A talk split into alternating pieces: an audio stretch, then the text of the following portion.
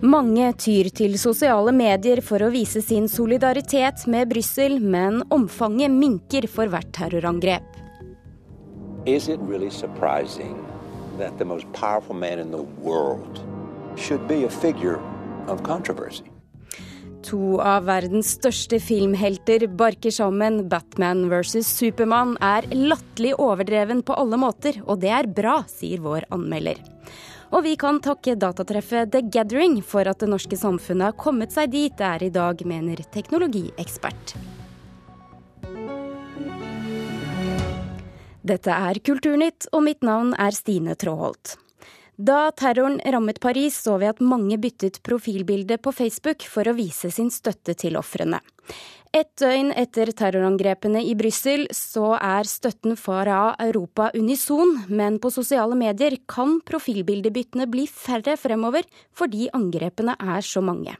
Det tror ekspert på sosiale medier Bente Kalsnes ved Universitetet i Oslo. Kanskje ikke så mange som skifter profilbilde, sånn som jeg har sett tidligere. Bente Karlsnes, stipendiat ved Institutt for medium og kommunikasjon, sier hun har sett en del støtteerklæringer på sosiale medium etter terroren i Brussel i går. Manken Peace og en legger ut eh, belgisk øl til og med. Eh, det kan være eh, Margrit, kunstneren. Men ikke like mange som etter tidligere terroråtak. Altså, under eh, terroren i Paris så var det, var det veldig tilrettelagt for at en kunne legge på et fransk flagg f.eks. Eh, vi ser at det er ikke så mange som har, har gjort det i det tilfellet her. Etter åtakene i t.d. Paris og Oslo byttet tusenvis profilbilder til et med det franske flagget, et med rose på, eller til et helt svart. For et år siden var alle Charlie Hebdo. Men til nå har vi ikke sett det i samme grad etter åtaket i Brussel. Det kan komme av at det rett og slett er for mange hendinger og saker å vise støtte til, sier Karlsnes. Skal en forandre profilbildet for alle nye terroraksjoner som skjer? Altså I forrige uke så var det en terroraksjon i Tyrkia. Eh, og eh, det er noen som legger ut massevis av flagg for å vise at de uttrykker støtte for flere situasjoner rundt omkring i verden. Så det her kan være litt sånn komplisert for en del eh, folk. Viser vi mer støtte til de angrepene her i Vesten? Altså, Nærhet uh, har helt klart betydning. Uh, altså, Har vi vært på de plassene, kjenner vi folk som bor der? Hvor ofte skjer det? Hvor spesielt er den hendelsen? Uh, dessverre så har vi sett at det har vært en god del terroraksjoner i, i Tyrkia. Eller, så, så, kanskje en reagerer litt annerledes når det skjer der enn når det skjer i Belgia, der det tross alt ikke skjer så ofte. Og reporter i denne saken var Maria Pile Svåsson. I går ble museer og konsertsteder i Brussel stengt, men allerede onsdag står norske artister på scenen i Belgia.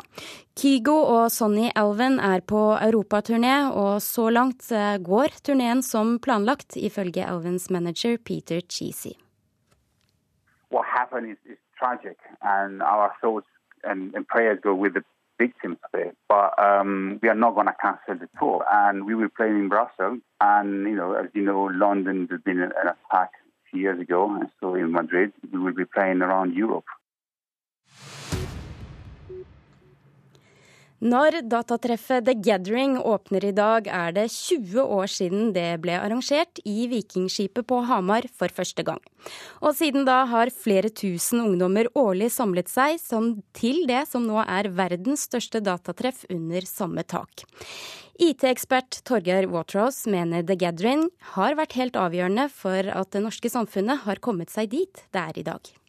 The Gathering har vært veldig viktig for Norge, og ikke minst for enkeltpersoner på veldig mange forskjellige plan. Sier Torgeir Waterhouse, som er direktør for internett og nye medier i IKT Norge. Eh, for det første så har jo The Gathering vært en fantastisk arena å kunne delta på for eh, de ungdommene som har hatt eh, IT og programmering og hva man kan bruke teknologien til som interesse. Og så har jo også The Gathering da vært inspirasjonskilde for å få i gang lignende arrangement rundt omkring i hele landet. Og dette er faktorer som vi har vært helt avhengig av for å gjøre de tekniske framskrittene vi har gjort siden 90-tallet, sier Waterhouse. The Gathering har leda til en interesse for dette som gjør at mange har valgt å jobbe med IT seinere og studere IT seinere, og tilegne seg den kompetansen vi er helt avhengig av at mange har for å lykkes med å digitalisere Norge.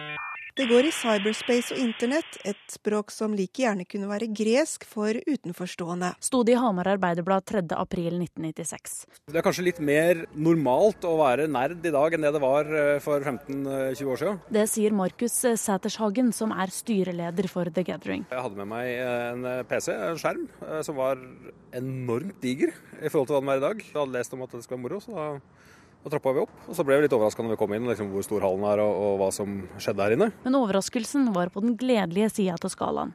Og hver påske siden da har han midlertidig endra adresse til Vikingskipet. Eh, men eh, ting har forandret seg ganske mye siden da, på en måte. Én ting er at organisasjonen har blitt større. Hvert år kommer 5000 deltakere til Hamar. For å få til det har frivillighetsgruppa vokst til å bestå av mer enn 400 personer.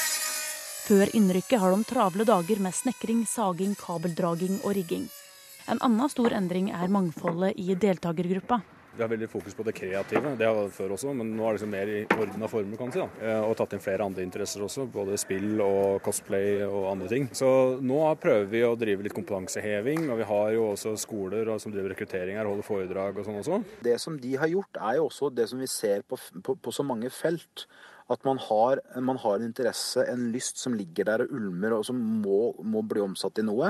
Og så finnes det ikke noen arena å gjøre det på. Derfor så skaper man sin egen arena. Sier Waterhouse. Men, vi finner nå igjen folk som har vært på The Gathering mange ganger i, i ungdomsåra sine. I viktige posisjoner i teknologiselskapet, i viktige posisjoner for å forstå hvordan man kan ta i bruk teknologi. Helle Therese Kongsrud hadde laget denne saken. Reporter Christian Ingebretsen, du er på Hamar. Er det mange som venter på å slippe inn på The Gathering nå? Ja, jeg var eh, borte ved køen utenfor Vikingskipet for bare litt siden, og den køen var enormt lang. Det er visst en greie at det er om å gjøre å komme inn først for å få de beste plassene. Akkurat nå så står jeg på parkeringsplassen utenfor Vikingskipet, og her driver folk og liksom lemper av ut av biler og svære busser det de skal ha med seg inn eh, fram til søndag. Eh, her er det gedigne datastoler. Det er en viss eh, mengde liter eh, med eh, energidrikk. Eh, og vi kan jo også spørre deg, Nora. Hva er det viktig å ha med seg når man skal på The Gathering? Du har jo en god del ting her. Ja, nå vil jeg jo si at uh, noe av det viktigste er jo å ha noe å spille på. Noe, uh, det er jo det The Gathering er for, å kunne spille. I tillegg så er det jo viktig å ha noe å sitte på. En god stol. Man skal jo sitte her i fire dager. Og en seng. det er viktig å få god søvn, vil jeg si. hvis man ikke får det, så tror jeg man vil ha det ganske kjipt eh, på dagen nå i de våkne timer. Hvorfor vil du være med på det her? Ja, Nå er jo dette første året mitt. Eh, så folk spør meg jo hele tiden hvorfor vil jeg være inne på et vikingskip eh, i påsken når det er så fint vær, istedenfor å være i skiløypa. Men ja, jeg syns at det er veldig gøy å spille spill, og det å kunne være sosial med venner, møte nye folk som er interessert i det samme. Dette er jo et av eh, verdens største datapartyer, LAN-partyer. Og da møter man jo så ekstremt mange mennesker med samme interesser og sånn, så det tror jeg blir veldig gøy. Så man er jo ikke her bare for spill alene, men for også for det sosiale og de forskjellige eventene og konkurransen og alt det, da. Uh, og du har jo også meldt deg på sammen med kjæresten din. Han kommer her veldig straks. Ja, veldig straks. Nå er jo det en kjempelang kø, hører jeg. Men uh, ja, vi drar sammen. Nå er det jo egentlig jeg som er mest interessert i spill. Så ja. Og Det er jo også sånn at uh, det er jo store selskaper som er her for å få tak i nye talenter. Så det ser ut som en svært talentfull gjeng som står utenfor på parkeringsplassen her på Vikingskipet. Tusen takk, Christian Ingebretsen, og du kan få se mer fra The Gathering på Dagsrevyen i kveld.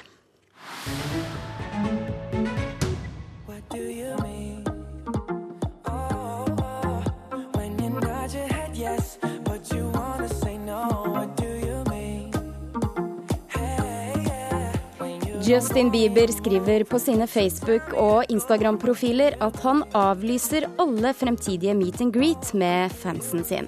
Bieber skriver at han gjerne vil gjøre fansen glad, men at det går på bekostning av hans mentale helse. Han sier også at han er veldig lei seg, men at han vil nå fokusere på å levere de beste konsertene noensinne. Og det er nok dårlig nytt for norske fans som har betalt over 50 000 for å møte Bieber. For første gang så møtes to av verdens største superhelter på film. Jeg snakker om det som sannsynligvis er årets store blockbuster, Batman versus Superman, Dawn of Justice. Anmelder Birger Vestmo sier at filmen er latterlig overdreven på alle måter. Men det er bra. Is it really surprising that the most powerful man in the world should figure of controversy? Batman vs. Superman Dawn of Justice er latterlig overdreven på all måter, og det er bra. En film med denne tittelen må være større enn størst, og regissør Zack Snyder pøser på med alt han har av virkemidler i sitt rikholdige arsenal. Denne filmen må ha kosta et par lands statsbudsjetter, minst. Den ene storslagne sekvensen avløser den andre med imponerende flyt, fortellerglede og visuell fantasirikdom. Effekt-junkies vil nå sitt nirvana. Heldigvis fortelles det òg en historie med en underliggende tematikk som jeg finner interessant. Kan man redde verden kun ved å være god? Mr. Wayne. Clark Kent, Daily Planet. What's your position on the Bat Vigilante in Gotham? Flere voldsomme hendelser skjer, både i Metropolis, Gotham City og andre steder, tilsynelatende forårsaka av Superman-Clark Kent, spilt av Henry Cavill. Flere stiller spørsmål om han er et gode eller onde for verden. Batman, skråstrek Bruce Wayne, spilt av Ben Affleck, blir sjøl berørt, og det brygger opp til en bitter konfrontasjon mellom dem. Den rike og uberegnelige Lex Luthor, spilt av Jesse Eisenberg, legger skumle planer, mens superheltene har stø kurs mot hverandre. To sterke kvinner kan imidlertid tippe skalaen, nemlig Louis Lane, spilt av Amy Adams, og ikke minst Wonder Woman, spilt av Gal Gadot. Boys, mm, Bruce Wayne meets Clark Kent. It. Tittelen 'Batman vs. Superman Dawn of Justice' er kanskje lattervekkende i all sin pompøsitet, men kler filmen. Den er ikke redd for å gjøre store sveip eller slå på de aller største trommene. Jeg liker filmer som med overlegg forkaster alle subtile nyanser. Det er ikke rom for dem her. Da er det desto mer imponerende at skuespillerne faktisk makter å kreve sin plass. Sjøl når de er omgitt av 1000 digitale virkemidler, er både Ben Affleck og Henry Cavill umiddelbare midtpunkter som aldri drukner i effektmakeriet. Next time they shine your light in the sky, don't go.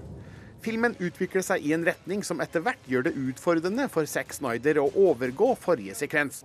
Han tyr til slutt til et monstergrep, avslørt i trailerne, som jeg ikke er så begeistra for. Jeg har sett nok digitale monstre på film. Men Zack Snyder peprer meg med så kraftige synsinntrykk, både i øynene og øra, at slike innsigelser føles irrelevante. Batman vs. Superman Dawn of Justice er solid superheltaction, som gjør flere frampek til den kommende Justice League-filmen i 2017, der Warner og DC Comics samler enda flere helter. De ønsker selvsagt at dette tegneserieuniverset skal bli like stort som det Disney og Marvel har gjort med The Avengers. Dersom Batman vs. Superman Dawn of Justice er en kvalitetsindikator, har vi mye å glede oss til. Tell me, do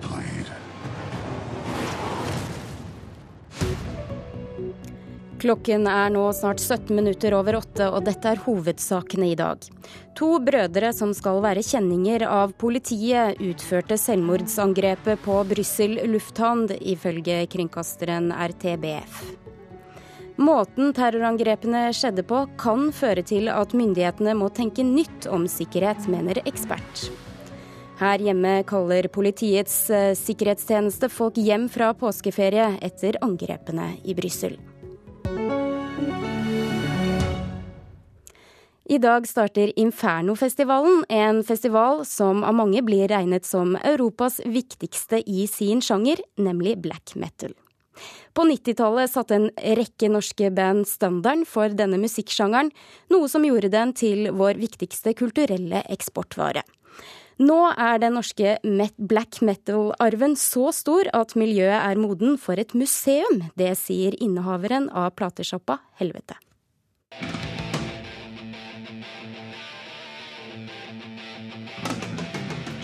Vi befinner oss i platesjappa Helvete, men for black metal-interesserte har vi kommet til himmelen. Nede i kjelleren lukter det mellomting av fuktskader og sigarettsneiper, men innehaver Kenneth Anker Nilsen forteller oss at vi befinner oss på hellig grunn.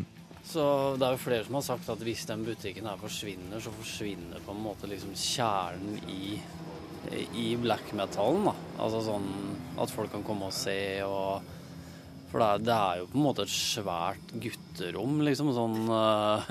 Men nå vil Kenneth ut av gutterommet. Han mener tiden er moden for å vise frem vår stolte black metal-arv i et skikkelig museum.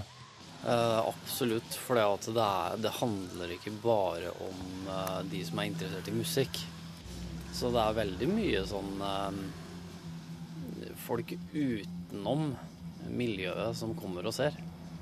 Det ville jo selvfølgelig bli større hvis det hadde vært et museum og alt dette her hadde vært reklamert på en riktig måte, da.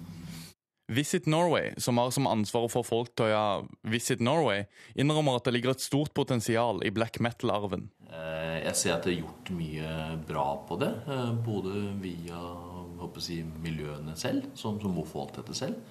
Men jeg ser også en, en, kommersiell utvikling av det. At det går an å lage turer rundt det. Eh, man ser jo allerede for andre sjangere, som, som, det gjøres i dag med Niesbø osv. Mm. At det går an å lage kommersielle tilbud rundt det. Men er det nok tilbud rundt det? Ikke i dag, men jeg, jeg, tror det vil komme. Det er et marked som, som kommer. Det sier Audun Pettersen i Visit Norway. Tilbake i helvete er det ikke vanskelig å finne black metal-turister. Eller blackpackere, som de kalles. That's cool. Yeah, yeah. We, we came here about 10 years ago, actually, and we, we checked it out, so we're over to play Inferno. Bandet Psychroptic skal spille på Inferno-festivalen i Oslo. Men ikke før de har gjort et obligatorisk stopp i helvete. I guess it'd be the reason, like a lot of people would actually sort of come through here sometimes, yeah. you know. So. I mean, the, the, black metal scene has had such an impact on the worldwide music scene, and you could say that Oslo's the the hub. So, super, important a place like this exists. Reportere i eh, denne saken var Nikolai Volsdal og Daniel Eriksen. Anne Enright er en av Irlands viktigste samtidsforfattere. I 2007 mottok hun den prestisjetunge Man Booker-prisen for romanen 'Sammenkomsten'. Nå har hennes siste bok kommet ut på norsk, og hva slags roman er det, litteraturkritiker Anne Katrine Straume? Eh, 'Veien til Bola Vaughan', som den heter, den ble kåret til Irish Novel of the Year i fjor. Så både kritikere og publikum har eh, tatt den til sitt bryst. Eh, det er et familieportrett. Fire voksne søsken kommer hjem til jul. De kommer hjem til den lille landsbyen der moren, Rosalind, eh, bor og har bestemt seg for å selge barndomshjemmet. Og det faller søsknene tungt for brystet. Samtidig har det kommet frem tidlig i boken at moren er en kvinne med et veldig eh, følelsesliv, og gjerne setter sine egne følelser frem foran barnas.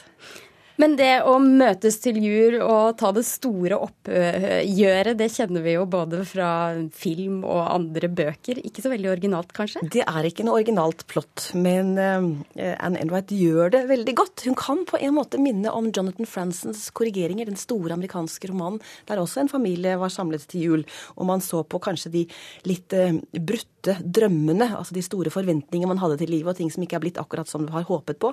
Foreldre kanskje som har store Eh, planer for barna.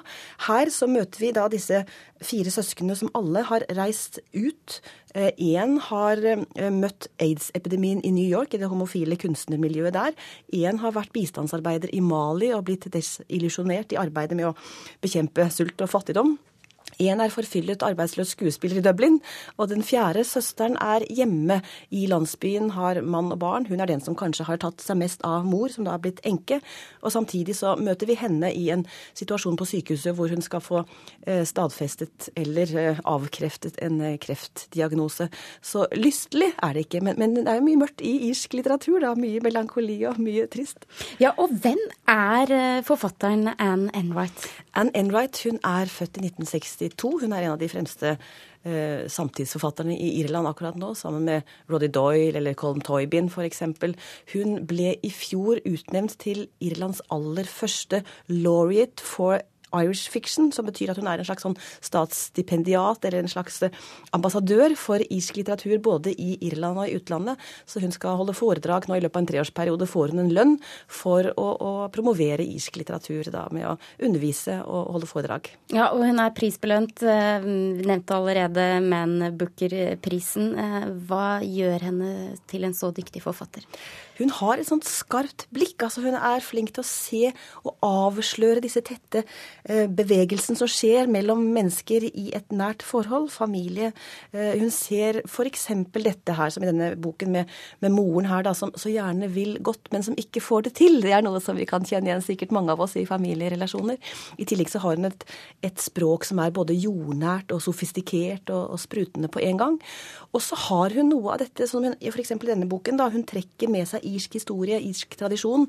Moren Rosaline hun viser stadig til et gammelt irsk dikt som heter My Dark Rosaline, og som egentlig er et sånt um, nasjonalepos til Irland, et protestskriv, men som noen tenker er en kjærlighetshistorie. Og denne forbindelsen mellom henne og Irlands historie, Irland som et offer kanskje, det er også noe at moren blir et offer. Hun føler seg hele tiden som et offer, og isteden så er det kanskje barna som er ofrene i denne historien. Tusen takk, litteraturkritiker Anne Katrine Straume.